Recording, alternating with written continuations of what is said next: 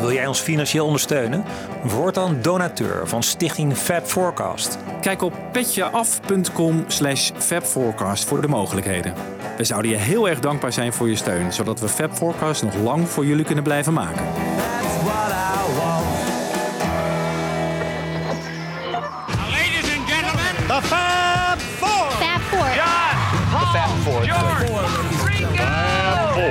Four. Fab Four. We have for you the Fab Four.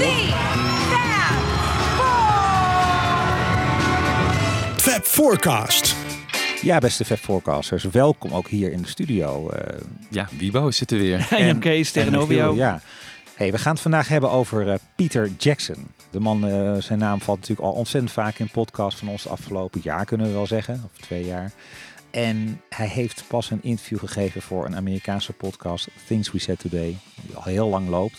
Ja. Het was zelfs de 401ste aflevering van die podcast. Ja, dan Dus- moeten wij dus- nog even. Daar moeten Ja. we nog even Oh, er bestaan dus podcasts die gewoon meer afleveringen Ja. hebben. Gepresenteerd door eh, Ken Michaels, Alan Cozen en Darren DeVivo. En zij hadden dus eh, Peter Jackson te gast. En die podcast was zo interessant dat we dachten, nou, laten we eens een keer gaan, eh, gaan analyseren en ontsluiten voor een Nederlands luisterpubliek.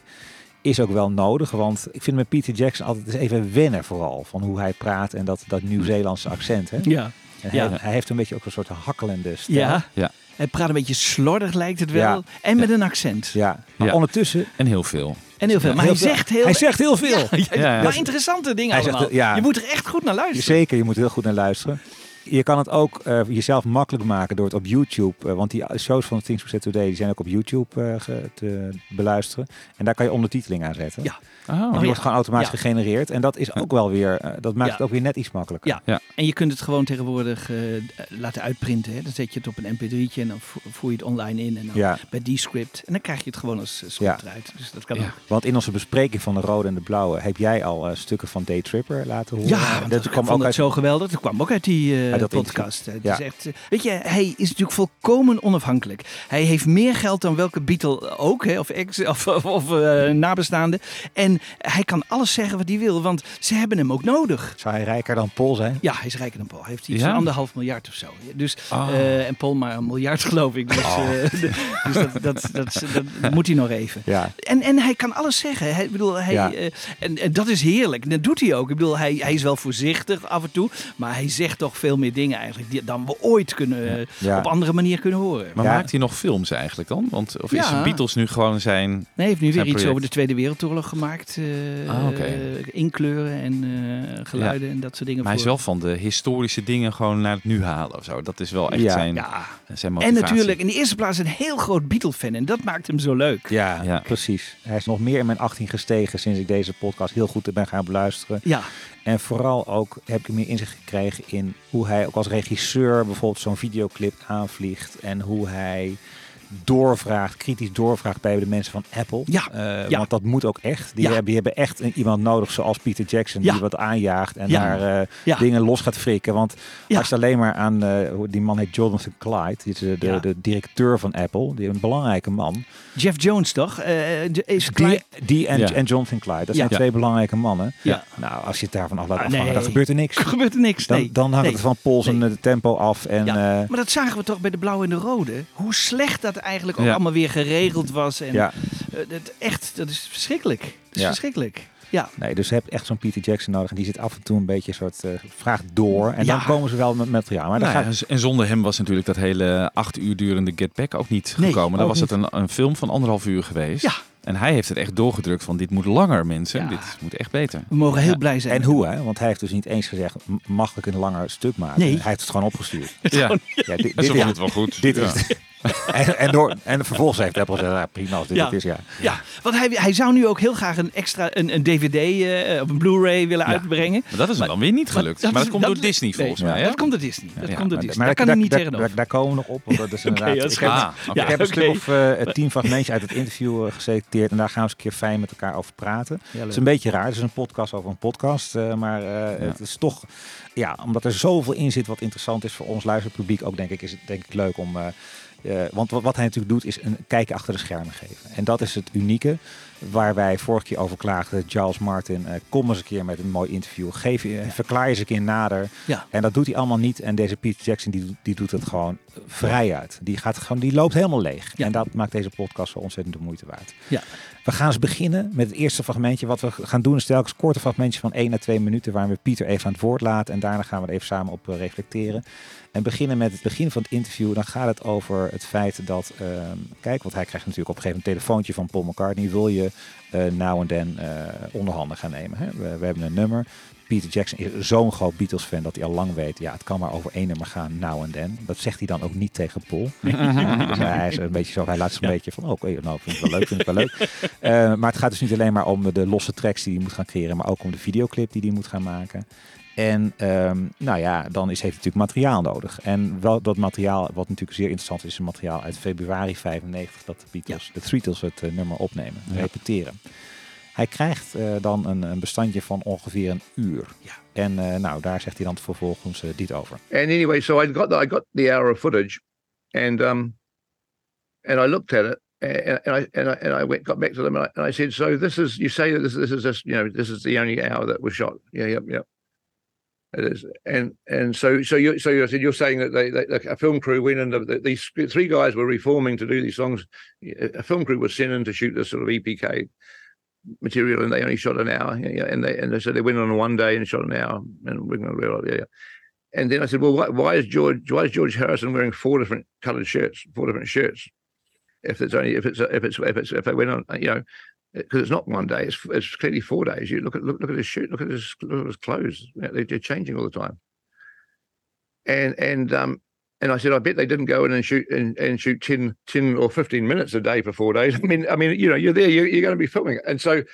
I I said, "Are you sure this this is?" And so they said, "Oh, hang on, yeah, it's a good point. Let- let- we're going to check and see it back." And then they dug deeper and deeper into the vaults, and they and they came back again. I mean, it's, it's not a, not a criticism of Apple, Apple or anything else, but it's just the fact you are dealing with people that weren't weren't there then, so they are sort of sort of as much as you know as anybody trying to figure out what what what's what what they've got and wh- whereas so they dug dug deeper, and they always to their credit, every time I push them, they they do go in and, and make a real effort, and they and they came back and they said, "Oh, the good news is is we've is we found is we found um a, we found more."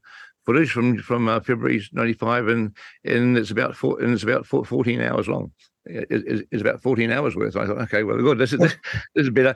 And I and I said because they'd they'd watched some of it, and I said, and and is there um is there any of that footage where they're doing now and then? And they said, yeah, yeah, we looked at some of it, and they're- they're definitely doing now now and then. So we got all that sent to New Zealand, the 14 hours, and um yeah, as it turns out, there's um. You know, I think I mean I'm not being precise, but I think there's about two and a half or three hours of the footage is now, and I was, I was working on now and then, and um and and the rest of it is a real, real love. Dus van één uurtje naar 14 Ja. uur dat het dus beschikbaar is. Michiel, zeg jij nou, ze- leven daar nou eens even kritiek. Want hij doet dat niet. Hij, hij wil Hij- Apple in bescherming nemen. Maar zeg nou eens even, dit, is dit van- kan toch niet? Nee, nee. Dit En, kan en toch deze niet? mensen zijn weer overgeleverd. Hè? Dit bedoel ik een Ja, ja. beetje. Het zijn mannen met zongebruinde hoofden, met hele mooie volle bossen met haar, met heel veel geld op de bank. Het interesseert ze verder allemaal niks. En de, de verdediging, wat, wat Peter Jackson dus ter verdediging aanvoert van ja, ze waren er niet bij destijds. Dus Ja, ze kunnen het ook nee, niet dat- weten. dat- maar zij onzin. beheren dat, dat Tuurlijk. bloody archief. Daar zit ze bovenop. Zet daar een archivaris op en laat Ja. alles uit. Ja. En wat, Echt, wat is er? Dat kan Echt, toch niet? Dat moet toch, nou, is- vorige keer natuurlijk ook gezegd. Ook bij Giles moet er iemand meeluisteren die Ja. gewoon verstand van zaken heeft. Ja. Een archivaris. Ja, Inderdaad, Ja. die weet hoe het klinkt. En hier ook weer. Ja. Er ligt volgens erg. mij echt heel veel in die, eh, Ja. in die Ja. kluizen. Ja. Waar wij van smullen, maar van, eh, waar Apple helemaal geen idee van heeft. geen idee van hebben. Maar het werkt dus met een piepsysteem. Het piepsysteem is hier dat Peter Jackson moet gaan eh, piepen. Moet Ja, gaan zeggen ja. van, hé, hey, Ja. dit Ja. kan niet kloppen. Er moet meer zijn. Hè, want Ja. stel, stel dat je een beetje een Martin Scorsese-achtige figuur hebt. Ik bedoel, het Ja. zal een topregisseur zijn. Hè? Maar ik ben nooit zo te spreken geweest over die topregisseurs die de Beatles ook wel aan eh, binnen hebben gehaald. En dan eh, documentaires laten maken. Die Ja. niet echt doorvragen. Ja. Maar hij vraagt door. Hij kijkt, hij, wat gebeurt hier? Wat zie ik hier?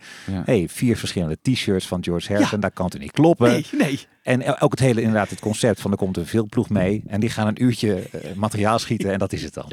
Ja. Het kan, kan, kan gewoon niet kloppen. Ja, over vier dagen kwam je erachter. Hè? En dan Ja. zouden ze dan een kwartiertje per dag hebben geschoten. Nee. dat kan niet. Nee. Nee, Nee, nee, nee. Er waren nee, wel 14 nee, uur. Ja. Nee. Maar ja, daarvan belandt in die videoclip, want daar hebben we het dan denk ik. En die, en die eh, making of Ja. belandt wel wat, maar het ligt natuurlijk gewoon een hele, hele, hele hoop. Ja, ja, ja. En dan kun je ook nagaan hoe lang ze aan dat nummer nog hebben gewerkt. Ja. Ja, Nee, en dat is ook weer interessant, want da- daar vertelt hij zo meteen Entertainment over. Over hoe George misschien tegen dat nummer aankijkt. Heeft hij een wat genuanceerdere mening over dan, eh, dan wat nu algemeen als mening. eh, hij heeft toch de gedachte dat George het een klote nummer vond. Ja. Maar daar, daar kijkt hij wat genuanceerd tegenaan. Daar komen we zo meteen op. Maar dit vond ik, eh, vond ik aardig om even het, Ja. om, om het Kijkje in de startschot. keuken. Het, ja, hij zit in Nieuw-Zeeland. Hij, moet- hij zit bij zijn mailmachine en eh, Ja. Kan daar alles doorheen halen, alles gaan scheiden. En kan dus ook een videoclip gaan maken. Want daar gaat het eerste uur van dat podcast gaat alleen maar over de videoclip die, eh, die Peter Jackson heeft eh, gemaakt. Eh, ja, die videoclip hebben we het over, over gehad. Hè. We, ik zei zelf dat ik Freezer Bird een beter, mooiere luister, kijkervaring vond. Jij was ook Nee, ik wat... was niet zo enthousiast over de Nee. videoclip, nee. Ja, ik Te- was wel enthousiast. Ja. Ik ben Ja. hem meer gaan waarderen. Als je ziet wat hij aan materiaal heeft en eh, wat het concept is. eh, maar daar vertelt hij nu wat over. Hè, wat het materiaal wat hij heeft. Hij heeft dus 14 uur. Hij kan niet een compilatie maken alleen maar in 1995. Want John moet een plek krijgen. George moet toch een duidelijke plek krijgen. Hoe, hoe ga je dat nou doen? Hoe vlieg je dat aan? En dan merk je dat hij ook echt een topregisseur is en een verhaal kan vertellen. En omdat hij zo ontzettend veel van de Beatles weet, hij is al een fan van de Beatles sinds de Rode en de Blauwe, zoals hij zelf eh, in het Beatles eh, eh, materiaal geïnteresseerd geraakt. Hè, en een bootleg-verzamelaar bovendien. Dus dan weet je Ja. met wat voor man je te maken hebt. Schoot hem te binnen dat de clip van, van Hello Goodbye heel bruikbaar materiaal was. En daar zegt hij nu wat over. the first couple of ideas we had for putting 67 stuff into the modern stuff, it was it was John and George. You know, it was like, well, okay, we'll put um it was I think it was like the very, first like very first idea was the was the four shot of them, you know, you know, the four you know, put the Ringo and Paul from um, twenty from 2023 and put hello goodbye John and George together beside them. And that you know, that was like that, was a slam dunk shot of the four four of them together, which we that was one of the first ideas we had. And and then it was quickly James and I, you know, you know, um, said, well, we got to set rules here because the one thing we didn't want to do is to we didn't want um, all of George and and John to be to be rep, rep, represented by 1967 footage. We didn't want the guys that had passed away to be 67 and the with the with the modern Beatles. It just felt. I, I just I just didn't want to relegate jo, John and George to that sort of status of just being old footage and um and so and so that was where we came up with ideas of having young Paul there too and young uh, young um uh, Ringo you, you know you know we and it, and it, was, it became a sort of a look the, the basic what it became and it didn't it wasn't this was sort of a retrospectively working is it's like they these old guys are trying to finish a song and they're getting sort of they're getting um gate crashed by the young Beatles the young Beatles are coming and appearing and sort of and sort of hamming it up and playing around, you know, you know, to make fun of these two old guys trying to finish finish a song. So all four young Beatles are there. They're sort of trying to send send them up, and that was that became that became the sort of our, our general thinking. It wasn't, you know, it wasn't just about representing John and John and um and George only within the old footage. So. Ja, dus dat, nee, dat vind ik wel. Hij denkt dus heel conceptueel. Hij, echt, hij kijkt echt van wat we wat voor verhaal wil ik vertellen. Ja. En hoe, als ik John heb. Dus niet alleen maar de jonge John uit 67 naast George uit 67. En dan die twee oude zakken uit 2023. Ja. Het is natuurlijk een begnaderd regisseur en filmmaker. Hè? Ja. En, dat, en dat zet hij ook in. Dat vind ik ook weer geweldig. Hè? Ja. Dat vind ik echt fantastisch dat hij dat doet Ja. bij zo'n clip. Ja. En dat vind ik het mooie, want in het begin gaat het een beetje om het oproepen van emotie. Het begint, het begint natuurlijk heel rustig. Je ziet de handen. In het Ja. begin zie je ziet de gitaren, hè, Ja. De, de handen van Paul en Mhm. George. En dan eh, bouwt het op naar wat joligers. Eh, en dan krijg je eh, Ja. dus, dus inderdaad... Waarvan dat- ik te- vond dat het te veel jolig was in Ja. het midden. En Ja. Te lang duurde dat John aan het goefen nou ja. was. Ik, ja, het, is, het is een minuutje of zo. hè. Het, het, het- voor hem is heel belangrijk dat de Beatles zichzelf ook niet altijd heel serieus namen. Ja, snap En- ik. En, Snap ik. Dus Ja, daar sluit zo. heel mooi op aan. Ja. Eh, Niet alleen maar die hele zware, want je kan natuurlijk een heel zware boodschap van maken. Now and then. Het is een beetje een melancholisch nummer natuurlijk ook. Ja. En dat wordt wat, wat verlicht allemaal met deze clip. Ja. En daar komt dus nog bij dat dan blijkt dat Paul McCartney op een gegeven moment gebaren maakt alsof het een viool aan het spelen is. Dat je eh, handgebaren, grote handgebaren van John ziet alsof hij dirigeert. Ja. Dan zie je weer de regisseur naar hem stapt. Die komt helemaal naar boven. Die zegt van ja, dat alsof, alsof je een orkest dirigeert. Ja. En Warempel, we hebben ook een beeld van een orkest. Dus zo wordt het een geheel. En ik, ik, als je het ziet, denk je van het spreekt bijna voor zich. Maar als je, het is natuurlijk, zijn natuurlijk allemaal de creatieve. Over elke seconde is nagedacht. Ja. ja, Tuurlijk. maar op een hele creatieve, slimme manier. Hm. Ja. En je had het ook, want dat gebeurt natuurlijk wel steeds vaker met die clipjes die je af en toe ziet verschijnen. I'm Only Sleeping en Glass Onion en eh, weet ik wat niet meer. Het zijn altijd illustratoren die aan de slag gaan hè, met Ja. het materiaal. Ja. En hier heb je nu wel een keer op een hele knappe manier is, is, is zijn beelden erin geïntegreerd in die moderne Ja. Beatles. Ja. Mijn waardering voor de videoclip is toch ook wel weer toegenomen. Ja. Sinds ik zijn toelichting daarop hoor. Nou ja, het is wel enorm vooruitstrevend ook weer wat de Beatles gaan, hebben gedaan natuurlijk. Ook met Now and Then überhaupt een, een AI eh, Ja. eh, bewerkte stem een beetje. Nou, ja, eh, niet helemaal, Ja. maar wel Ja. van een oude democassette. En wat AI kan doen, daar hebben zij wel even een... eh, het laten zien wat de mogelijkheden zijn. Ja. Dit gaat in de muziekindustrie natuurlijk gigantisch eh, invloed hebben. Wordt, daar waren al, wordt daar al over gesproken eh, in het wereldje? Hoor je daar al meer dingen over?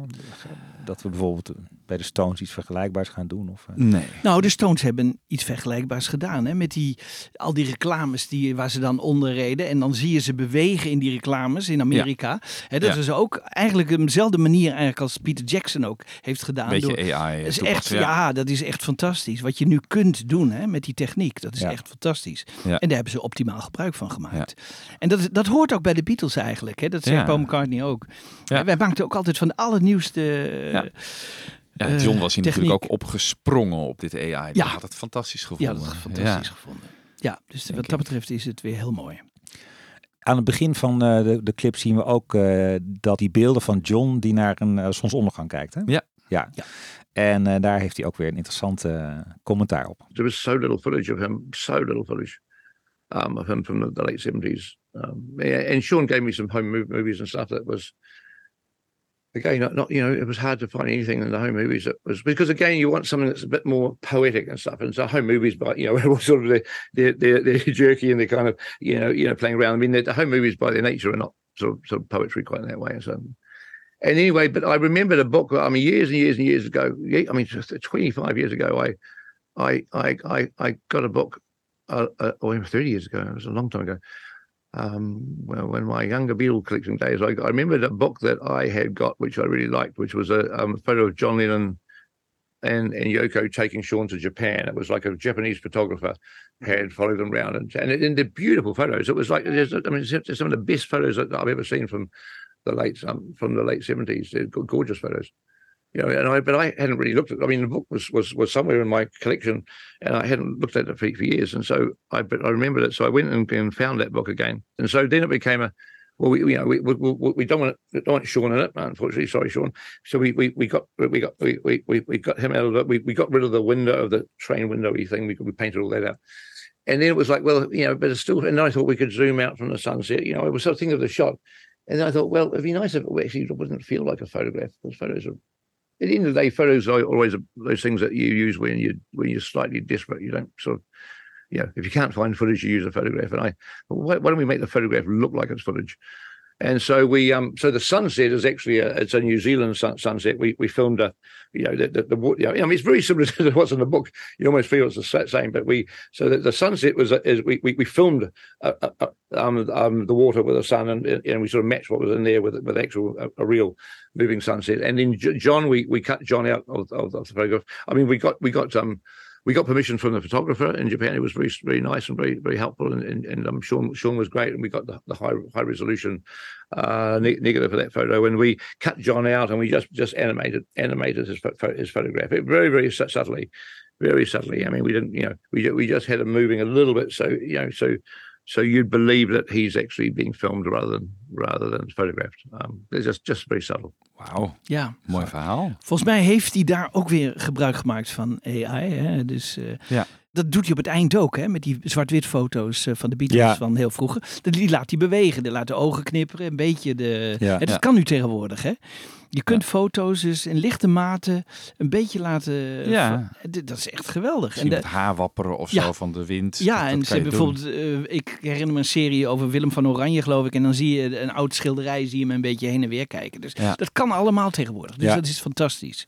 En daar maakt hij ook gebruik van. En dat vind ik echt geweldig. Maar dit is echt smaakvol gebruikt natuurlijk. Heel goed gedaan. Ja. Heel goed gedaan. En ook iemand die gewoon weet, van, ik heb ergens 30 jaar geleden een boek ja, met Japanse foto's. ja. van wie... kennen jullie dat boek? Nee, ik heb gekeken in Ja, het boek. eh, ja. Ik dacht dat ik van Imagine moest gaan denken. Omdat er ook foto's in de, van de Ja, Japanse reis van. Oh ja. Ja. Ja. Maar daar, daar stond het niet in. 30 Het, jaar. het moet een ander boek zijn. Met, Je- Misschien alleen in Japan uitgebracht. maar dat betekent dus ook dat, Dat- laat je zo dat- mooi zien wat toch een enorme fan hij is. Ja, exact, Die komt exact. niet... Denk je dat Jonathan Clyde. Nee. denk je dat die met dit soort materiaal Nee, komt? joh. No way. Nee. Ik zat me net te bedenken, ze hebben eigenlijk wel eh, voor de audio eh, eh, component van al die remixen en zo, hebben ze eigenlijk best wel een kenner in huis. Die Kevin Howlett. Ja. Die Ja. schrijft prachtige opstellen in, in Ja. die boeken. Maar Ja. volgens mij is hij helemaal niet bij die audio betrokken. Wel nee. Zet die er gewoon eens op. Laat die eens luisteren. Die kan gewoon echt eh, zeggen van... Hey, I am the walrus. Dit kan niet. Ja. Ja. Ja, maar goed, dat is weer een andere discussie. Maar inderdaad, eh, nu, nu, nu Maar voor het- Peter Jackson, dat Ja. is de equivalent van Peter Jackson in audiovorm. En in videovorm hebben we Peter Jackson. Ja, Ja. Wat, wat een geluk. Ja. Ja, Ja. het is enorm. eh, en hij loopt er dus ook tegenaan van eh, dat er heel weinig van John is. Hè. Dat vertelt hij ook net in het fragment. eh, van, hij wil per se ook de John van de late jaren zeventig wilde hij hebben. Ja, Ja. leuk. Wat op een gegeven moment stelt eh de Sean voor van kunnen Imagine gebruiken. Nou, dat vindt hij niks. Nee. Geen slecht idee. Nee. Ja. Eh, want daar hebben we natuurlijk heel veel van. Ja, Weet je, ja. dus, toen heeft de camera eindeloos meegedraaid. Dus zoveel als van begin jaren 70 is, zo weinig is er van eind jaren 70. Ja. Eh, en, wat er dan is aan homemade movies is weer Ja, Dus dan is dit een heel slimme manier toch Ja. om het, Ja, heel om goed gedaan. Heel Ja. goed gedaan. Ja. Nou, eh, de fans Peter Jackson komt eh, opnieuw aan bod. Want eh, helemaal aan het begin van de eh, video zie je dat drumvel. Hoe Ja. noem je dat? De, de, de bassdrum. Hè? Ja. Van, Ja. eh, en daar staat Ja. Love eh, the Three Beatles, het oude Magical Mystery Tour eh, Ja. logo. Bijzonder, want het is, eh, daar is overheen ges- geschilderd. eh, drie maanden na gebruik. Ja. In de 67. Dus dat, Ja, die, dat is niet hoe- het is een van de replica. Ja, hoe zit dat in elkaar? Want wij kennen misschien wel beelden van Paul uit de studio, waarin het een logo is van Susie en de Red Stripes. Ja. En, en daar werd Ja. ook wel op gewezen. En er was wa- volgens mij ook wel beelden bekend geworden van de Beatles sessies, waarin je dat, dat drumvel Ja. ziet. Ja. En hier zien we opeens een Beatles eh, vel. Hoe zit dat nou in elkaar? I just thought for an average viewer looking at uh, the video of a Beatles song and all that, seeing a drum skin of a band that they most of the people would have never heard of, and I just thought this that's, that's sort of just going to make people think, you know, think it's, it's going to make people's brains go in directions that you don't want because you want them to focus on George, you want them to focus on Paul. You don't want people watching it to be distracted suddenly by oh who are they? What was they? You just want to get their minds, you know, you know. It was really this, it was the distraction factor that that that made me kind of you know that would sort of be a something that would throw people's attention off what, what was happening. So um, and so that was just a, you know you know I, I had a um I had a I had a um a, a copy of the Love drum drum head that that um that someone uh, had done for me. Um, I'm in the office, so I quickly went and went and got my iPhone and snapped, and snapped a photo of that, and and then sent it to the effects guys and said, "Can you put this over over the top of the um Yeah. over, over, over the top of the thing?" I mean, you know, obviously, if any true Beatle fans knows that know that by the um by the um shooting of the Hey Jude um promo. A few weeks later, they painted painted it over, and it was completely red. By then, you know, you know that, that the, the the love thing with the yellow um, swirly lines and love it doesn't. I mean, that, that existed seemingly for about two two months, and then it was gone because by Hey Jude it had been paint, painted over, and um, I was I was completely solid, solid red. So you know, and I thought, well, that's you know, a real Beatle obsessive is going to go nuts here because how did Paul how did Paul end up with a drum head? You know, in a studio that was supposed to have been, been um, supposed to have just disappeared in 19, in 1960, 68. You know, it's a, you know, I thought, well, you know, that, that'll that'll that'll get that'll get people's minds going. So it was fun. Ja, ik vond het wel een mooi beeld hoor. Want het zit wel geloof ik in die making of eh, ja. van Now and Then. hè. Nog die Susie in de Red Stripes. En dat je George Harrison daar dan voor ziet zitten. denk Ja. dat Iets klopt er niet. Ja, heel leuk. Maar hier natuurlijk ook weer de superfan die eh, Ja. eh, waarschijnlijk een hele Beatles verzameling heeft en waaronder zo'n drumvel. eh, Dat van dat drumvel wist ik trouwens niet dat die twee maanden later overgeschilderd werd. Dat weet hij dan wel weer. Dat weet hij dan Ja. weer. Hè? Ja. Dat vind ik heel erg leuk. Leuke informatie. Ja, ander klein trucje wat hij heeft toegepast. Dat gaat meer over de technische kant van de zaak. Eh, dat is een leuk detail wat hij hier vertelt. little things that no one will notice. Although I, might describe one to you, so you will you will notice now. There's um on the on that shot, the, the shot when um uh we, we we talked about when Paul's in the foreground with the bass and the cymbals are being taken away, Ringo's behind, and, the, and John and uh, you know Paul and young Paul's there, and they're all sort of sort of you know John's wheeling the stuff thing. That, sort of big long shot. So on that shot, um, that came you know the the the, the 67 the 67 um, footage, which we had, we use the background, you know, we use not just John, and George and Paul, Paul we, uh, well, Ringo. I mean, we, we sort of use the entire 67 footage and we just put old Ringo and old Paul into it. But that was shot with a, with a star filter on the, on the camera. Like, like, um, you know, in those days it was a filter you used to put on the camera and every, every bright bit of light that you, you that you pinged with the lens would sort of split into four little stars. I mean, I mean, I remember, I remember buying them when I was a kid, those star filters to use for my super, for my eight, eight, eight mil camera, which is a simple little, yeah, made a sort of starry thing. And so they had shot that shot in 1967 with a star filter. Um, you know, and so when we put um, Paul in the foreground with his bass, he's got these shiny bits on his bass. So the guys put the so so, so the guys re- reproduced the 1967 star, star filter, and whenever Paul move, moves his bass around, it, it pings the, the, the um, star filter pings on pings on his 2023 bass. You know, you know, so it looks like you've used the same the same filter. I mean, it was tiny tiny things that that no one ever really thinks about, but in a way, in a way, the more of that you do, the less of fake it becomes. You know, and you just, you just. So it was a bit of a struggle to try to get all that looking, looking good. But I mean, you, know, you still know what it is that you're looking at. You still know that you're looking at a paste up, but you know, hopefully it's not too distracting. It's not too sort of jarring. You know. Maar dat is toch leuk? Ja, Ja. dit is weer de filmmaker. Hè? Dat is echt, hij let op elk detail. Hè? Ja. En dat vind ik zo knap. Maar wat is zo'n starfilter dan, eh, Jan Kees? Weet je Het is gewoon een filter, eh, dat zet je voor de lens. En als er dan ergens een lichtpuntje is, dan wordt dat ogenblikkelijk een sterretje. En ja, dat, was, Oh. toen, dat was toen modern. Ja. En, en je kon hem ook nog laten bewegen. Dan gaan die sterren ronddraaien, weet je wel. Dat was nieuw in die tijd. En eh, Ja. daar werd natuurlijk ook weer direct gebruikt Dus nu gemaakt. als er bij die nieuwe beelden van Paul op zijn bas dus een lichtpuntje kwam, dan Ja, veranderde dat ook dan in een maken ze dat nu middel van de computer, maken ze dat weer, ook weer Ja. zo'n sterretje in Dat is dezelfde wel heel eh, aandacht voor detail. Ja. Ja, ja, ja, zodat het niet minder opvalt dat, het, eh, hè, dat er zo'n tijdsverschil in zit. Ja. Dus dat is heel leuk. Dat, is echt heel leuk. Ja, Ja. dus zo moet je een beetje naar die clippen toch een keer opnieuw gaan Ja, kijken. ja, en, nou, dan, en dan op alle details gaan letten. Op de details. Want hij wil niet een, eh, te veel een soort te laten zien dat het allemaal geregisseerd en geoefend is en zo. Hij wilde bijvoorbeeld niet heel veel repetities waarin ze nou en dan aan het zingen zijn, terwijl ze eh, dat maar even gerepeteerd hebben bijvoorbeeld. Of weet ik veel, je zou misschien ook kunnen doen alsof George een slide solo speelt in 67, terwijl Ja. Paul hem nu Ja. speelt. Weet je, hij, Ja. daar is hij heel, heel kritisch en subtiel in. Maar wat hij bijvoorbeeld wel doet, is dat Paul eh, luistert hè, met zijn armen over elkaar. Volgens mij zit Giles dan naast hem. Ja. En dan zitten George en eh, de jonge George en John Paul zitten naast hem allemaal geinige dingen te doen. Ja. Ja. En daar lijkt hij op te reageren. Ja, Eh, dus dat doet hij dan weer wel. Dat ja, hij dan weer ja net maar kunnen. dat kan ook volgens Ja. mij. Hij doet het met smaak. Ik vind wel dat hij dat... eh, ja, Ja. Nee, ik, Ja. Ik, ik ben een fan van hem. Ja. Ja. Ik ben zeker fan van. Maar ik ga die clip nog even een keer weer kijken. Want ik heb hem twee keer gezien. En Ja. toen dacht ik van, nou oh nee, Ja. nee, nee, ik wil Ja. niet weer. Ja. Maar dit, dit begint wel weer wat te leven. Ik ben Ja. wel enthousiast om te gaan En dan kijken. let op de details. Ja. Ja. Nou, heel interessant, eh, want hier komen we een beetje bij de, de meat van, eh, van de discussie. Hij heeft natuurlijk 14 uur aan opnames bekeken.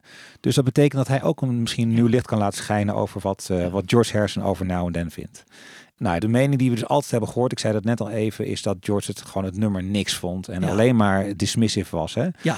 En je kan je afvragen van waarom ga je dan eh, toch vier dagen repeteren? Ze Ja. hebben toch vrij flink hebben ze er aan gezeten. ja, want nu krijgen we de indruk, hij was er eventjes aan begonnen en zei Een middagje toch? Ja, het? middagje. Ja. Hè, en zei, nee jongens, laten we het eh, rusten, helemaal niet meer. Maar dat Nee. is dus niet het geval. Nee, nou is niet. Kijk, eh, hij is ook reëel. Hij zegt, ik was er ook niet bij. Maar als ik afga op wat ik zie, dan kijk ik er net wat genuanceerder tegenaan over hoe George tegenover dat nummer stond. En eh, daar vertelt hij nu wat over. the demo was was was such a poor quality that they were having to push the 95 stuff in, into into the morass of the of the sort of demo and and it's sort of it's a very and I kind of I I personally and and they were mixing it as they were recording they were listening to stuff and I I personally got I personally have a, have a feeling that George was just dissatisfied with um I you know I, I feel that he was possibly dissatisfied and there's there's no evidence of this on camera by the way it's my theory I I think he might have been dissatisfied with, you know, Free as a Bird was okay. He, he they did that the year before. Real Love, I think.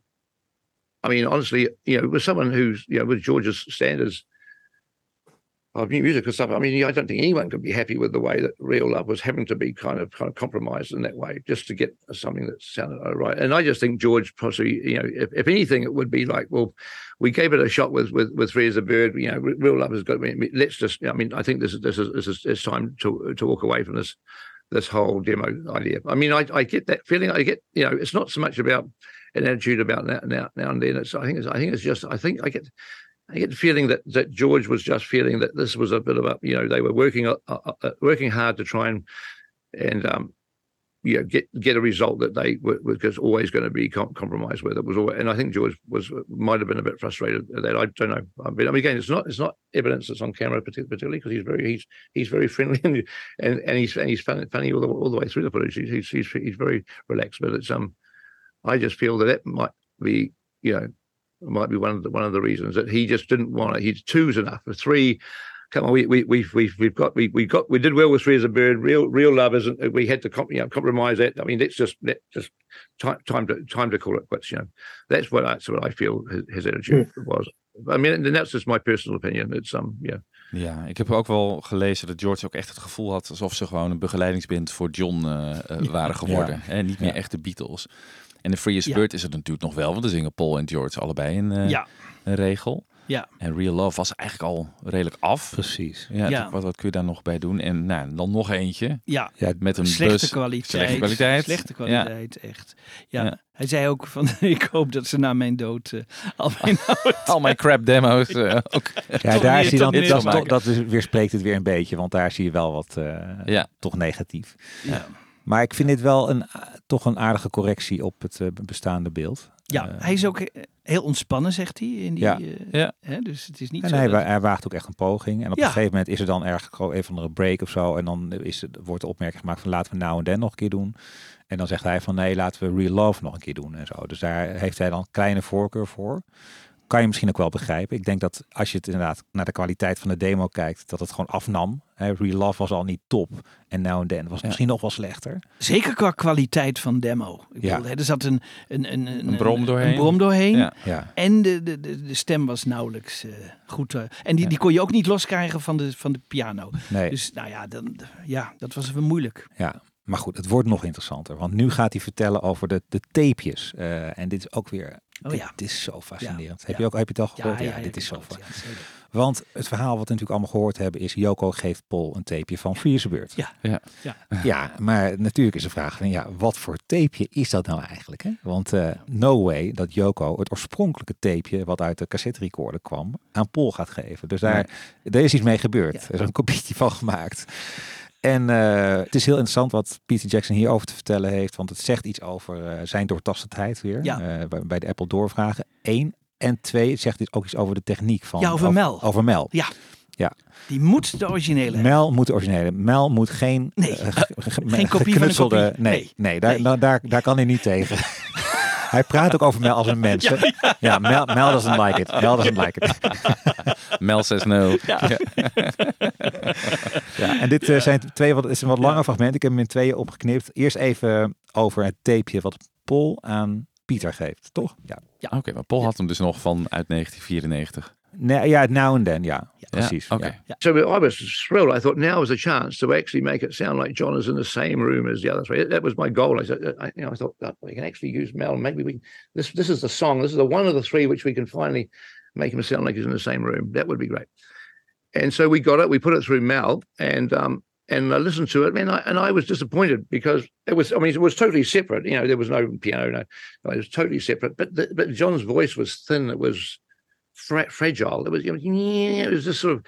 It wasn't. It didn't have any weight. It didn't have any solidness to it. You know, I, I was hoping. I mean, it certainly didn't sound like he was in a studio.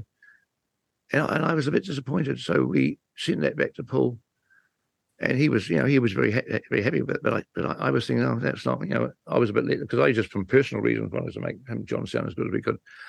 And then I um, started to think about it, and I thought, well, hang on, what you got here is Yoko sending Paul, Paul, you know, cassette tape. And there's no way that Yoko, when you think about it, is going to send Paul the cassette that John had in his machine, you know, that he had in the in the tape machine that, that day. She's not going to do that. She's going to keep that one. That's a must. So she would have made a, a, a dub. She would have made a copy. And you know, and honestly, I, I suspect that the copy was made on one, on a boom box with two cassettes. You know, you know, you know like, like we all used to dub tapes in those days. It was like you know, of, of that. So now that's going to be, and certainly when you're telling about cassettes in, in, in 1995 and being copied like that, I don't think it ever went through a studio, a professional studio. I think that's going to that's going to reduce the quality. You know, that's what tape does, magnetic tape. Ja, sorry, dit is even, hier stopt het even. Maar dit geeft een aardig inzicht in het tapeje wat Paul heeft gekregen. Ja, maar dat is ook toch zo ongelooflijk, hè? geweldig, Ja. Dat Hoe is die dan dat een ook beschrijft met een boombox. Ja, gewoon twee tape recorders met een snoertje aan Ja, maar- elkaar. Huppakee. Nee, maar er zit, nee, Nee, ja, nee, play? nee, je had in Nee? die tijd had je al met twee maar- cassette ja. recorders kon je een kopietje Oh, ja, maken. Die hadden wij, had ik vroeger ook Oh, die had ik vroeger ook. ik heb zo eindeloos tapejes zitten maken. Gewoon rack op de ene en dan play op de andere. Ja, ja, zo is het gegaan. En de pauzeknop. En Ja, ja, de, ik, joh, ik was daar volleerd in. Ik kon heel goed. En, Ja. dat, en, Joko kennelijk ook. Ja. eh. Ja. Maar als je dat doet, Joko ook in. Maar als je dat doet, komt er dus heel veel ruis eh, extra bij. Ja, Ja. dit- dit- dit- dit- nee, Want ik had ook wel het idee dat de, de oorspronkelijke demo die in de Lost Lennon tapes is gebruikt, van Real Love bijvoorbeeld, en misschien ook wel Free as a Bird, dat die slecht of beter klonk dan wat eh, dat er in de Beatle track zat. Ja, ja, ja. ja. Ik dacht, Ja. hé, hoe Ja. kan dit nou weer? Ja. Maar Ja. dit is gewoon een kopie Ja. geweest. Ja, klopt. Ja, want eh, op Imagine zit Real Love ook, hè? Eh, de maar is- soundtrack. Ja, maar dat is echt een andere versie. Een Oh. gitaarversie. Maar die klinkt, die klinkt ook goed. Die klinkt Ja. hartstikke goed. Ja, ja. Die hadden ze veel beter kunnen pakken. Ja, dus je vraagt je af met welk materiaal heeft, heeft Jeff Lynne eigenlijk zitten stoeien. Ja. Dat denk ik. Waarschijnlijk een echt subpar eh, Ja, echt. demo. Ja. Met, een, met een dikke lage Dolby erop. Weet je wel dat je, weet je, weet je dat je op je boombox vroeger ook altijd een Dolby knopje had? Dolby B en C. Ja, Ja. ja. dat klonk altijd heel interessant. Ja, daar kon je de ruis mee Ja, onderdrukken. daar kon je de reis mee Ja. onderdrukken. Maar dat, dat had ook weer invloed op de geluidskwaliteit. Ah, Ja. Het was echt verschrikkelijk. En dat hij daarmee moest werken. Ja. hier. Oh, oh, oh. Ja. Ja, Dus, maar- Want Paul heeft het ook gekregen van Yoko tijdens die eh Ja. Rock'n'Roll Hall of Fame uitreiking. Hè? Ja. Gewoon een tapeje van Ja. alsjeblieft. ja, Ja. Ja. Ja, dat kan inderdaad. Dat doe je niet met het origineel. Is dat het enige oorspronkelijke Nee, kopietje? Dan ga je nee. dat niet op die manier Nee, overhandigen aan Paul natuurlijk. Nee. Nee. Oh. Dus eh, nou ja, Nee, dat, dat roept natuurlijk ook de vraag op van wat heeft Jeff Lynne, waar heeft Jeff Lynne mee zitten werken? Heeft Ja. hij wel de oorspronkelijke gehad of heeft hij ook het kopietje van Paul Dat gehad? denk ik. Ja. Ja, ja, denk het wel. ja, Joko weet natuurlijk ook van niks. Die denkt Nee. dat ze een, eh, de, de wereld beter maakt en eh, een enorme Ja. dienst bewijst. Ja, die heeft geen, Nou. geen verstand van. Maar dit vind ik ook mooi om te horen. Hè? Paul is tevreden. Horen we ook, horen we hem ook zeggen. Paul vindt het mooi. Ja. Die zegt, hey, een schone John. ja. Prima. Ja. En maar Pieter is ontevreden. Die vraagt nog even door. Nou, dat, dat gaat nu over hoe, eh, hoe hij uiteindelijk bij de oorspronkelijke tape van Lennon terechtkomt. So- Sometimes I think they feel sorry about who, who actually invited on board. anyway, so I, I I got into Jonathan's ear. I said, "Look, this is going to be a, copy. Copy, Jonathan. You got we got to, we got to get a better one. It's got to be, we got to get the one that's in Paul, and it was in John, John's machine." So Jonathan said, "Okay, leave, it with me." And so Jonathan got uh, got in touch with um the Lennon, the Lennon archive and.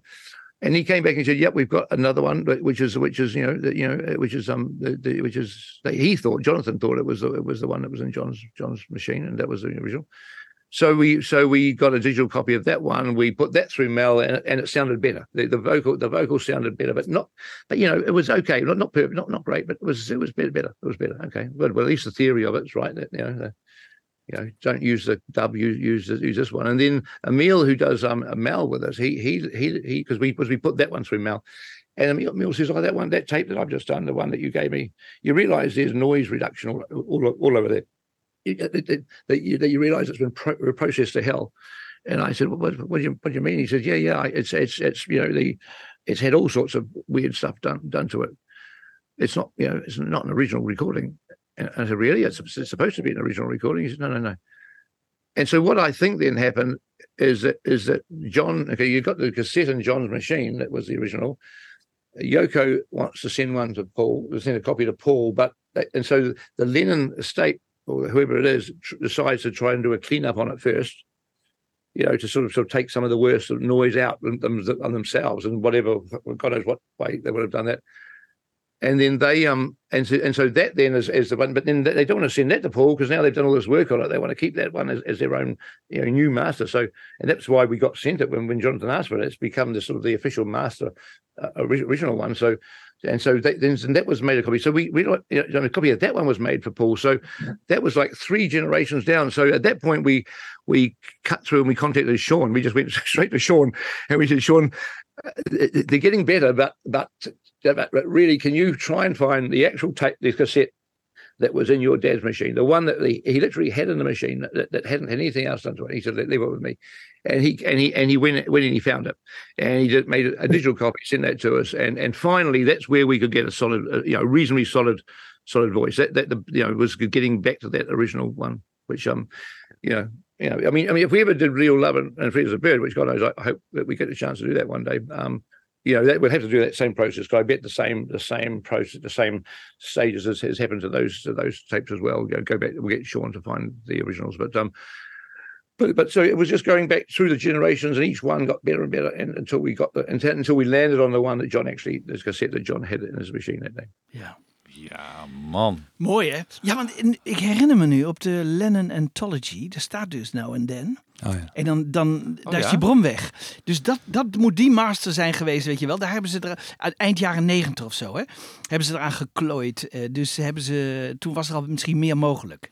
Ja, staat hij daarop? Ja, daar staat hij op, zonder eh, eh, bron. Hm. Dus eh, Ja, je, je kan je voorstellen als we met allemaal archive-edities van Lennon aan de slag gaan. Die, die zijn natuurlijk bewerkt. ja, ja, professioneel. En, Ja. da- en zo, Dus moesten we helemaal terug naar die master. En je ziet dat Joko speelt hier geen enkele rol meer in. Hè? Het is eh, Sean nu echt die dat... eh, Ja, maar Ja. die is dus blijkbaar ook wel zo fan. Ja. Die begrijpt Pieter ook Die begrijpt want Die is Pieter muzikant ook Ja, natuurlijk. en die gaat zoeken. Ja. Hè? Want eh, ja, door, door hem hebben ze de origineel ja, gevonden. maar ook weer die doortastendheid van Pieter. hè, Want hij krijgt iets wat beter is. Ja.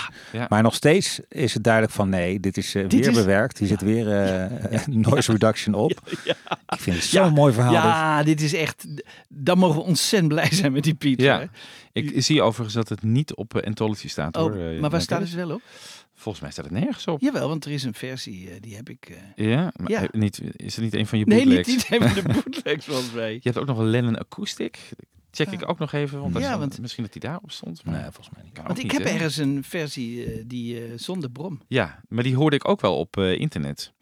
Die versie zonder brom. Dacht, waar, waar hebben ze het nou over? Steeds die Ja. brom? Want ik, ik Ja, want die, die horen we nooit, hè? Nee, daar staat hij ook niet Oh. op. Hij is nooit officieel uitgegeven. hey, Wel Real Love zie ik hier. Ja. Ja. Dat zal dan die ja, daar heb je ook verschillende versies ja. van, hè? Heb je ook verschillende versies Nee, van. nou, nee, niet. Oh, nou dan misschien in de eens Lennon tapes, in de Lost Lennon Daar is hij, ja, daar Ja, is wel eh, gedraaid. Zeker. Want zo is hij naar buiten gekomen, denk ik. Ja, en dat was de originele, moet de originele geweest zijn, toch? Ja, ja of Want die is ook bewerkt door die mensen hè, die dit Ja, dat eh, kan ook weer. wat Dat kan ook geprocessed weer. hebben. Ja, dat Ja. kan ook weer. Maar goed, Ja. het gaat erom. Peter Jackson die gaat gewoon verder. Die, die gaat gewoon doorvragen. En ook heel erg hoopvol hè, dat hij ditzelfde proces bij Free as a Bird en Real Love. Precies, precies. Ja, Ja. ja.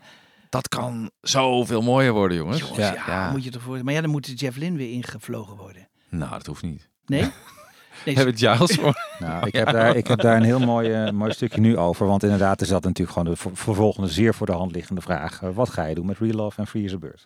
That's my theory, and, and that's what I want to do because I, I I think that's you know the, the Beatles shouldn't have those two songs sitting there in the state they are. If the if the technology exists to clean them, then obviously they absolutely they owe it to John. John, if nothing else, they owe it to John to, to do it.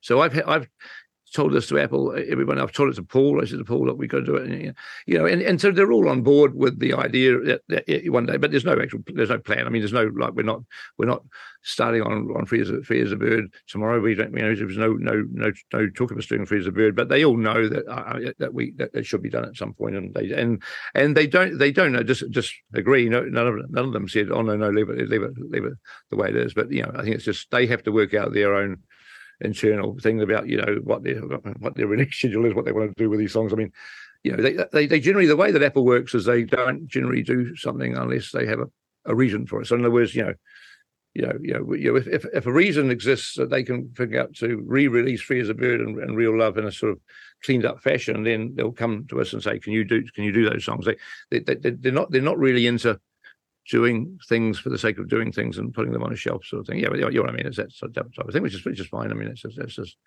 it's just the way it is. So anyway, I mean, the uh, I think look, I think there's a you know, I mean, we certainly have a huge desire to do it, and I and I and I'm sure that Apple one day one day will do it, but there's but yeah, no no hard and fast plan right now. Maybe they should just do things for the sake of doing them and then release them. Um, Well, yeah, yeah. No, no, well, I'm I'm in that boat. I, I that's the world I come from. Uh, yeah, yeah, yeah. Daar hoorden we even Alan Kozin. Hè, de, Ja. de, Ja. Wat mij betreft een van de beste podcasters en schrijvers eh, Ja. die er bestaat momenteel in het Beatleskamp. Maar die, die, die legt de vinger ook op de zere plek. Hij zegt van, breng dingen uit omdat ze gewoon goed zijn. Ja. Omdat er gewoon eh, een behoefte aan bestaat. Dat irritante gewacht op een gelegenheid van Apple. ja. Dat moet ook echt een keer afgelopen zijn. Ja. Wie weet over twee jaar nog dat het 50 jaar geleden was dat de rode en de blauwe uitkwamen. Ja. en, dat, Ja. en dat dan als gelegenheid zien. Wat is dat voor flutgelegenheid Ja. ook eigenlijk? Ja. Het is toch Ja. een slecht verhaal eigenlijk. Het is een heel slecht verhaal. Nou, de- als ze dan toch willen wachten op een mogelijkheid, dan is dat, dan komen we weer met de Anthology eh, relaunch, toch? Van Ja. Die, eh, alles opknappen, eh geremixed, eh Ja. Anthology CD's uitbrengen. En dan Ja. zouden deze twee tracks heel goed bijpassen. Ja. Dus, maar En dat moet dit jaar dan eigenlijk, toch? Nee, 94? 95 is het Oh, 95. Oh, dan moet je nog twee jaar wachten. Maar dat is toch erg dat je twee jaar moet wachten. Terwijl, Ja. ik bedoel, nou ja, Nou ja, misschien dat je zegt van dat Apple steeds naar van die ronde getallen op zoek is om eh, dingen aan te koppelen. Ik snap wel dat ze het ergens aan willen koppelen, want anders breng het als single uit of zo. En dan krijgt het niet de exposure die je hoopt. Zo denken ze natuurlijk ook. Het is gewoon een commercieel bedrijf, dat Apple. Maar eh, je kan het wel op eh, als het 37 jaar geleden is, dan kan je ook iets uitbrengen. Het hoeft Ja, niet allemaal rond nee. op 40 of Nee, 50 nee, te zijn nee, allemaal. precies. Je kan Nee. gewoon een nieuwe versie van Anthology uit. Kijk, ik bedoel, dat, Ja. dat snap ik wel. Je, het moet een eh, deel zijn van een groter geheel, van een project. Ja, inderdaad. Ja, Ja. nou, dan Eh, is Anthology ligt voor de hand Ja. natuurlijk. ja. Ja, maar CD. 2009 is ook geen rondgetal. En toen kwamen er een hele belangrijke... eh, Ja, remaster. 999 was dat toen. Dat haakje toen. Alsof 9 Ja, maar- september een belangrijke datum in de Beatles-geschiedenis is. Nee, Ik bedoel, Ja, maar Let It Be eh, Getal werd- werd 9, hè? ook later Van uitgebracht. John. Dat was Ja. de Ja. reden. Ja. Maar ik verwacht het dan daarop eigenlijk. Op een relaunch van de Ja. Anthology CD's. Want Ja. die zijn nooit geremasterd. Hè? Nee, we hebben de versies uit 95 volgens mij. Of Ja, maar er is één keer eh, is er een betere versie uitgebracht door Jeff Lynne, toch? Van, eh, Ja, oh ja, op de OnePlus zijn Free as a Bird en Real Love. eh, Ja. Ik vraag me het wel af hoor, want dan, kijk, dat Free as a Bird, daar is natuurlijk een sound om, opname omheen gemaakt. ja. Met Ja. een bepaalde dofheid, een bepaalde klankkleur die past bij de slechte kwaliteit van die, Ja. bij de kwaliteit van die demo. Ze hebben zich aangepast aan die dus als demo. je nu opeens een klaterheldere John krijgt, klopt dat nummer dan nog? Dat, dat, Ja. Ja.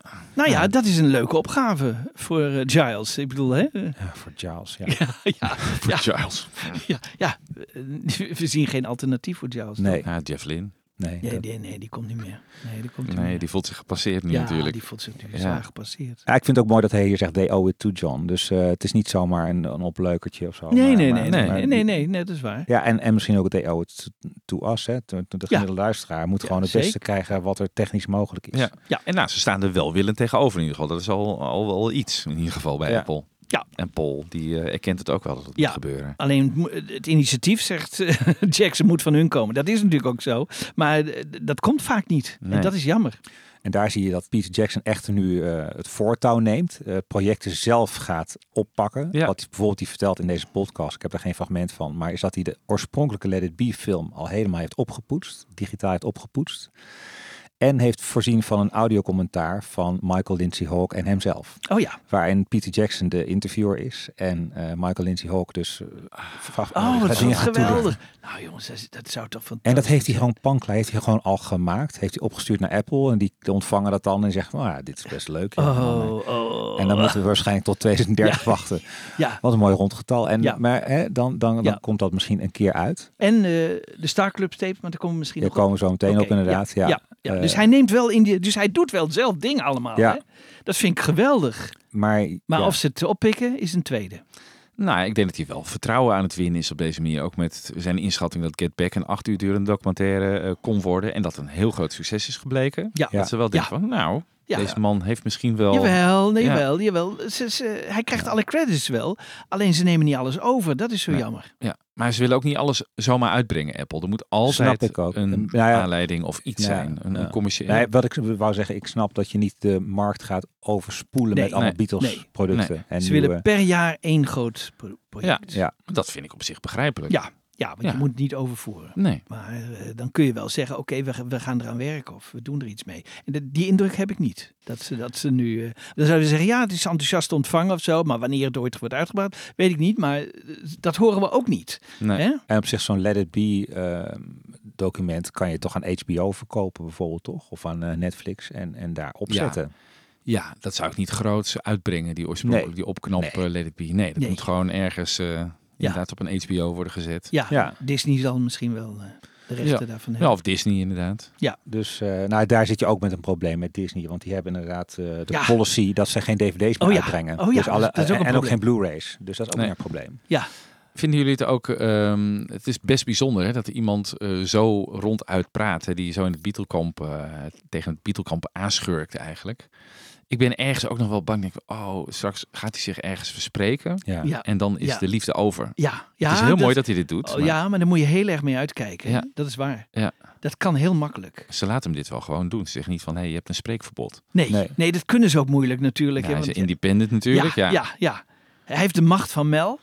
Ja. Maar Ja. als dat over is, hè, als Mel. eh, Of als er een andere Mel komt ergens Als op de ja, wereld. precies. Een andere, Ja, want die techniek gaat natuurlijk snel. ja. Nou is hij wel te vertrouwen. Dat is natuurlijk ook iets hè, waar ze natuurlijk heel ge- belangrijk vinden. Hè. Ik bedoel, er is niks van hem naar buiten gekomen over eh, het maken van die clip of wat dan ook. Ik bedoel, hij is enorm... Ik bedoel, eh, als hij met een project bezig is, dan zegt hij er ook niks over. En dat, dat, Nee, dat stellen en dat vinden ze natuurlijk geweldig. Daarna zegt hij wel heel veel Ja. erover. Maar, Maar het tijdens is niks het maken- controversieels verder. eh, nee. Nee, niet zo nee. van, hey, wat is eh Nee. Paul eigenlijk een, eh, een, moeilijk, een moeilijke man om mee te werken Nee, of zo. nee. Dat soort Nee. dingen. Nee. Eh, Het is aardig, want soms zit het een beetje tussen de zinnen door. Moet je heel goed luisteren. Maar hij vertelt bijvoorbeeld ook iets over de, de Get Back DVD die is uitgebracht. Die op een gegeven moment werd teruggehaald. Weet je Oh nog? ja. Ja, ja. Ja. Wat, en, en dat vraagt die Darren DeVivo dan. De vraag van, ja, wat, is daar, wat was daar nou het verhaal van? Dat was voor ons als consument een beetje apart. Dat je Ja. een, een, een DVD hebt gekocht en eh Ja. er was iets mee. Maar wat? Wordt ook Ja. niet toegelicht. Nee. Blijkt dat het aan de ondertiteling lag. Die was, eh, was een nieuwe ondertiteling opgezet die veel groter was. Dus hadden we helemaal niet naar de smaak van Peter Jackson. En er zat een bepaalde audio-kwaliteit eh, minder in. Eh, een of andere iets. Eh, hij ligt dat verder niet toe. Maar eh, hoe, hoe gaat het dan? Heeft Disney heeft het ter goedkeuring het, pro- het product aan Peter Jackson voorgelegd. En in de tussentijd al 40.000 exemplaren laten drukken en verscheept naar alle landen op de wereld. Ja, Ja? ja dat is dus, ook raar. Dus ook raar. Is Ter heel goedkeuring, ik bedoel, wat is dat nou weer voor... Dus toen moest die allemaal worden teruggehaald. Ja. Maar wat is dat voor bedrijfspolicy? Dat je dingen voorlegt en puur als een soort eh, formaliteit, maar zelf al wel het helemaal in de markt zet. Ja. Dat is Ja. ook raar. Heel raar. Ja, dus hij is eigenlijk kritischer op Disney nog dan op Apple.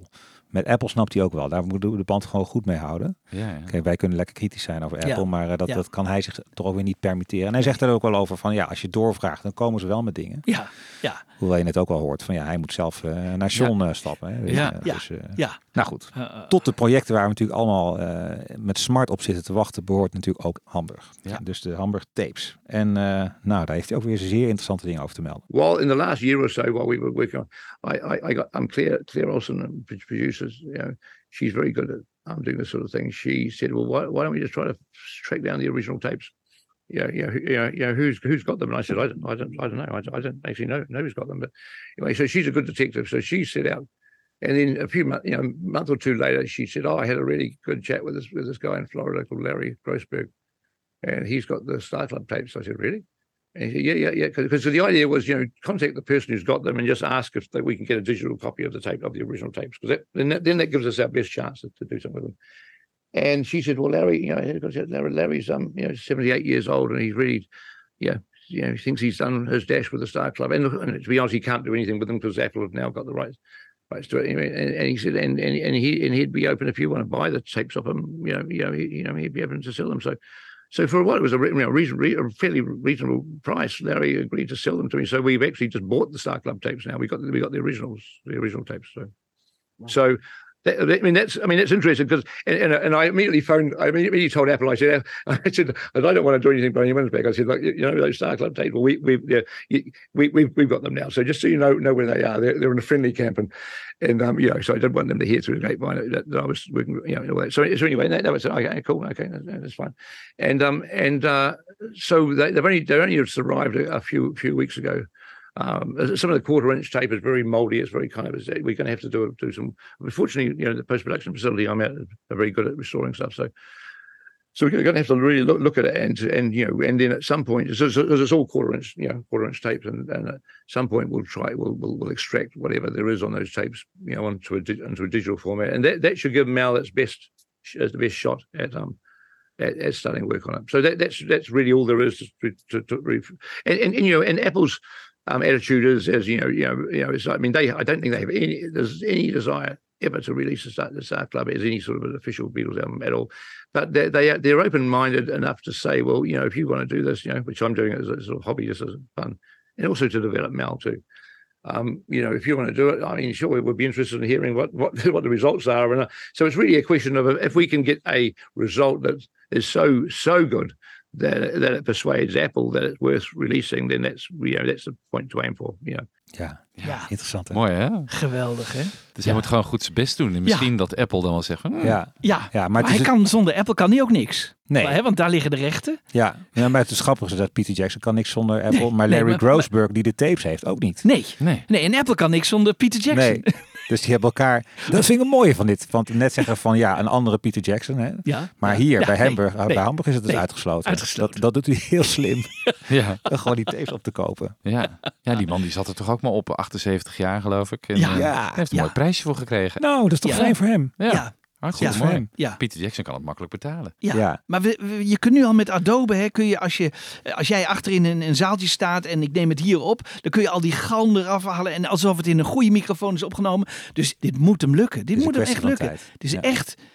Hij kan die piano, want dat soort dingen kan hij allemaal goed laten klinken. De stemmen goed laten klinken. Ja. Hij heeft alle Beatles eh, in zijn archief. Dus hij kan eventueel dingen opknappen. Nee, ik, ik vermoed dat dit echt. eh, Ja, maar het initiatief ligt dus helemaal bij Pieter. Dat vind ik ook weer interessant. Apple Ja. heeft helemaal, dat zegt hij ook, heeft Nee. geen plannen. Ik Nee. doe het zelf als een hobbyproject. Ja, want die Claire Olsen, die had dus contact met iemand in Florida die die tapes had. Ik wist helemaal niet dat die tapes in bezit waren. Nee. Want die tapes, dat was altijd een probleem. Want iedereen heeft een eigen compilatie gemaakt en niemand had de originele tapes. En wist Nee. wat er nou precies na elkaar kwam. En, Nee. eh, maar zij hebben dat ontdekt. En ik meen ook dat, er, dat er maar brokjes zijn opgenomen steeds. Hè? En dat die, eh, wat wij nu horen op die bootlegs, dat dat allemaal geëdite versies eh, van oh, dat, dat brokje. En misschien mist daar een refreintje, Ah. pak Ja. een refreintje van daarvoor. Oh, ja, ja. ja, ja, ook dat soort het dingen. Er is mee geklooid. Er is ongelooflijk mee geklooid. Ja. En als we dan de originele horen, dat zou heel leuk zijn. Dat zou echt geweldig zijn. Ja. Ik vind dit wel weer een, een, een meesterzet van eh, Ja. onze Jackson. Maar nu maar hopen dat eh, Apple toehapt. Heel spannend. Ja. Ik zou het echt, ja, dit, dit zou een heel mooi AI-project ook kunnen zijn met beelden. Weet je, dat je het animeert, dat je dat Oh ja. concert animeert. Ja, En dat dit de soundtrack daarbij is. ja, Ja.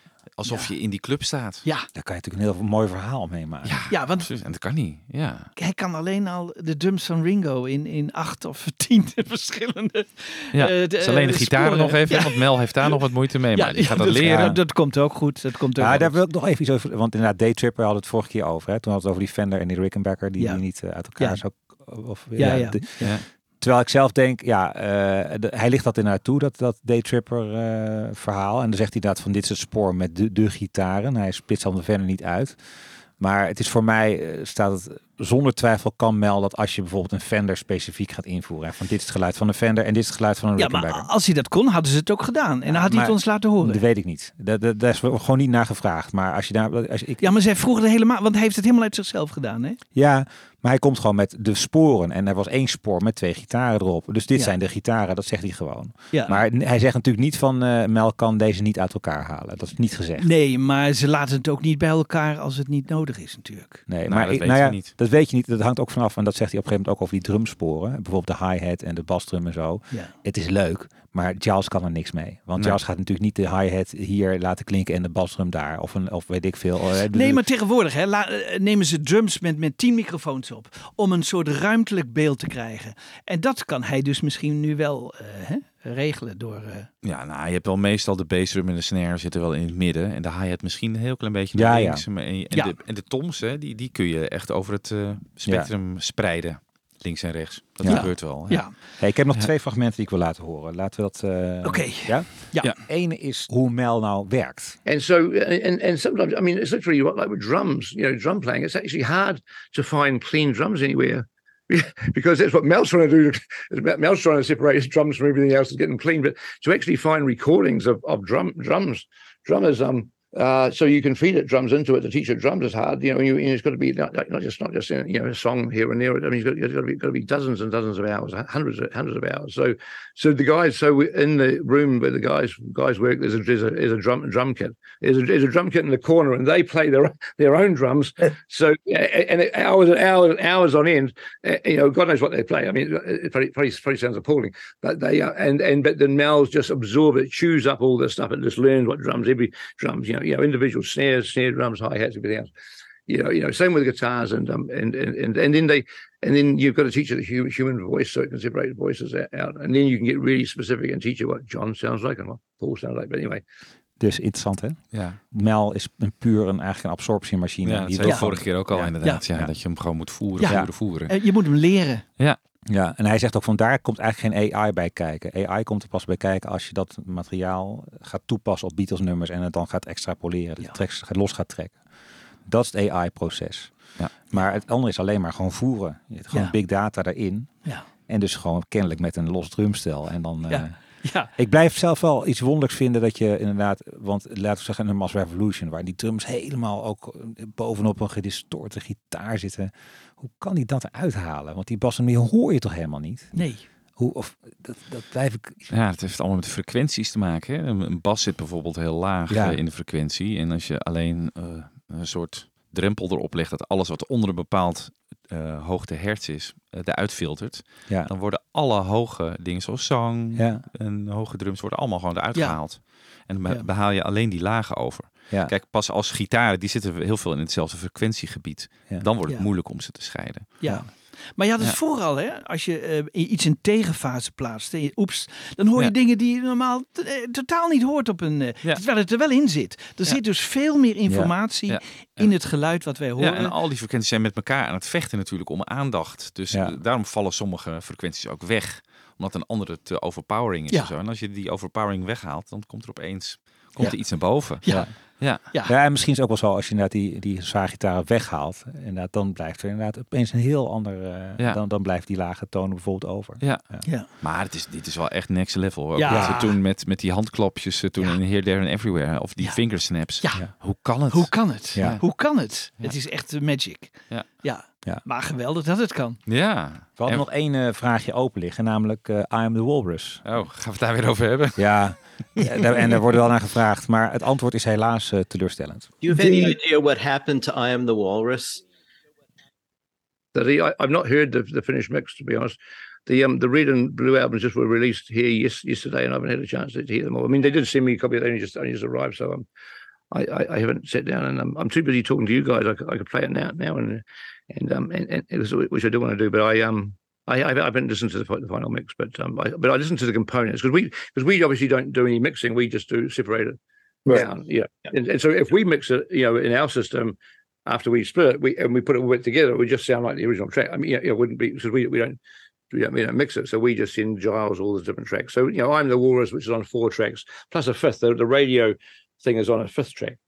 Heeft hij nog niet gehoord? Nou, ik ben wel benieuwd eh, Ja. of hij hem inmiddels gehoord heeft en Ja. wat hij ervan vindt. Ja, Ja. precies. Hij zegt dus wel dat je dat I am the Walrus een heel bijzondere, om, om dat door Mel te laten halen. Omdat je, hij heeft dus ook die radio-uitzending door Mel gehaald. Ja. En dan Ja. hoor je het helemaal, allemaal stemmen apart en dat koor apart. En, eh, Ja. Dat is toch geweldig? ja, Dat, is dat toch koor, geweldig? zegt hij, die gaan helemaal los, die worden helemaal psychedelisch. En daarna dat heb jij natuurlijk in je luisteren. Ja. je hebt Maar wel- fantastisch. Dat is fantastisch. Ja. Heel mooi. Ja. Jongens. Ja. Het is dus even, nou ja, hij is dus te vinden, gewoon online, jongens, dit gesprek. Als je het helemaal wil horen, neem even 3,5 uur de tijd. Ja, je oortjes. ja. En naar Peter Jackson luisteren is natuurlijk niet heel erg ontspannen. Tenminste, Nee. nu is Nee. af en toe gewoon echt niet te verstaan. Nee, maar, je eh, moet er heel geconcentreerd eh, naar maar wat hij vertelt, wat je eruit oppikt, is wel echt rete Ja. interessant. Ja. Ik heb wel Ja. het idee dat jij nu de meest interessante... Ja, en ik denk ook een beetje, omdat hij hier zo uitgebreid de tijd neemt, want we hebben, eh, is ook een beetje voor ons de noodzaak weg om hem nog te gaan benaderen. Want we hebben natuurlijk ook wel zelf zitten filosoferen. Nou, daar zit je toch ook een beetje met ons Engels en zijn Engels. En dan kan je hem dan volgen. en Kan je echt goed kritisch op inspelen. Ja. En dan vind ik dit eigenlijk wel een soort van mooie middenweg. Ja. Van laten we gewoon de, de Dus eigenlijk wil krenten- ik hem gewoon niet spreken. Nee, ik hoef hem niet te spreken. Als hij het zo doet, dan hoef ik hem niet persoonlijk te spreken. Hoogstens ja. over zo'n dingetje als Daytripper en eh, die gitaren. En er Ja. zijn een paar dingen die Ja. je nog wel wil doorvragen. Ja, Maar precies. dat doen zij in principe ook goed Ja. hoor. Bij. Ja. Of we moeten hem naar de hand door Mel halen, dat het dan een eh, Ja. vloeiende stem wordt of zo. Ja. Nou, dat zou een goede zijn. Eh, ja, dat kunnen we Mark Lewison niet, zeg maar. Die, die toon en dan... eh, Goed, nou. Fijn dat jij hebt geluisterd. Ja, dat jij het ja. bent doorgeploeterd, want Nee, het was was wel de moeite waard. oh ja, maar die man is echt zo in mijn 18 gestegen. Ja. Ja. Ja. Ja. En hij moet echt nog lang... en de video dus ook. En de video ook. ja. en ik, ik ben ook leuk. wel in zekere zin dus ook wel positief over de toekomst. De nabije toekomst, zeker met een ham. En dat is natuurlijk onvermijdelijk dat een Hamburg iets uit gaat komen. Wat wel heel mooi gaat worden. Ja, ik ben benieuwd waar hij nu mee bezig is. Want eh, ja, Hamburg is een hobbyproject, maar hij heeft vast weer een volgende klus van Apple eh, gekregen. Ja, Ik denk gewoon Rubber Soul. Denk dat hij heeft 60 nummers gekregen om Ja. de mail te halen. Hè? Dus, eh, Ja, maar voor dat de Red and Blue. Ja, dat heeft Ja. hij nu gedaan. maar ook voor, denk ik, eh, Voor de. Rubber Soul denk ik ook. En Help. Ja. Helemaal. Hè? Help Ja. helemaal. Rubber Soul helemaal. Maar dat is, ja, die heeft hij dan er doorheen gehaald. Maar echt nog een project, want dit is eigenlijk gewoon een beetje lopende bandwerk, denk Ja. ik dan, hè, als je Ja. het door Mel gooit. Ja, hmm. Hij zou ik zet met- dan toch mijn geld nog weer op de Anthology-serie, op de videoserie. Ja, hè? Dat hij daar eh, mee aan de slag gaat, om dat op te knappen. Ja. Ja, dat is... eh, En ik goed. vind nog altijd dat hij met de first visit eh, hè, van de Beatles bezig moet. Want er liggen uren en uren Ja, materiaal. dat kunnen we best nog wel eens vragen. hoor. Misschien moeten we het toch eens proberen, Ja, Giel. tientallen Ja. uren Ja. materiaal. nou, hij heeft het heel scherp. Hij weet heel goed wat er is en wat er nog kan. Ja, Het zou me niet verbazen als hij dat ook heeft opgekocht. eh. Ja, joh. geld, geld is geen probleem. Dat is natuurlijk ook fijn dat geld geen ja, probleem is bij ja, deze man. Ja, Ja. hij is in alle opzichten is het een geschenk voor de Beatles wereld. onze suikeroom. Ja. ja, precies. Suikeroom, ja. Goed. Oké, goed. Waar gaan we ermee uit? Ja, waar gaan we ermee uit? Ja, wat hij ook heeft gedaan is natuurlijk ehm, eh, I've Got a Feeling, eh, wat Paul tijdens zijn concerten gebruikt. Dan zingt hij eigenlijk in duet met ehm, John. Ja, prachtig. En, en Peter Jackson heeft die stem van John helemaal losgetrokken. En eh, de beelden van John, hè, eh, echt de camera die alleen maar op John was gericht, die zie je dan in beeld bij de van rooftop. Ja, Ja, misschien is dat wel leuk om, eh, om daar even mee uit te gaan. leuk. Tot de volgende keer. I've got a feeling, a feeling inside.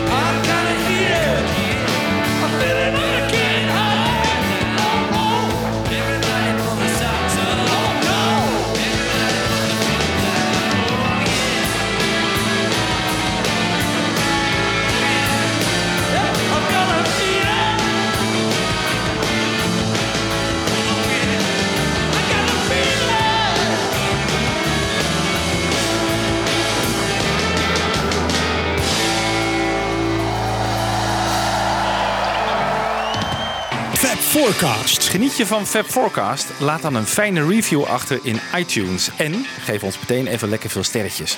Dat helpt andere luisteraars weer om ons te vinden. Heb je vragen? Mail dan naar fabforecast.gmail.com of kijk op onze pagina's op Facebook en Twitter. En de afleveringen van Fab Forecast zijn ook te beluisteren via beatlesfanclub.nl.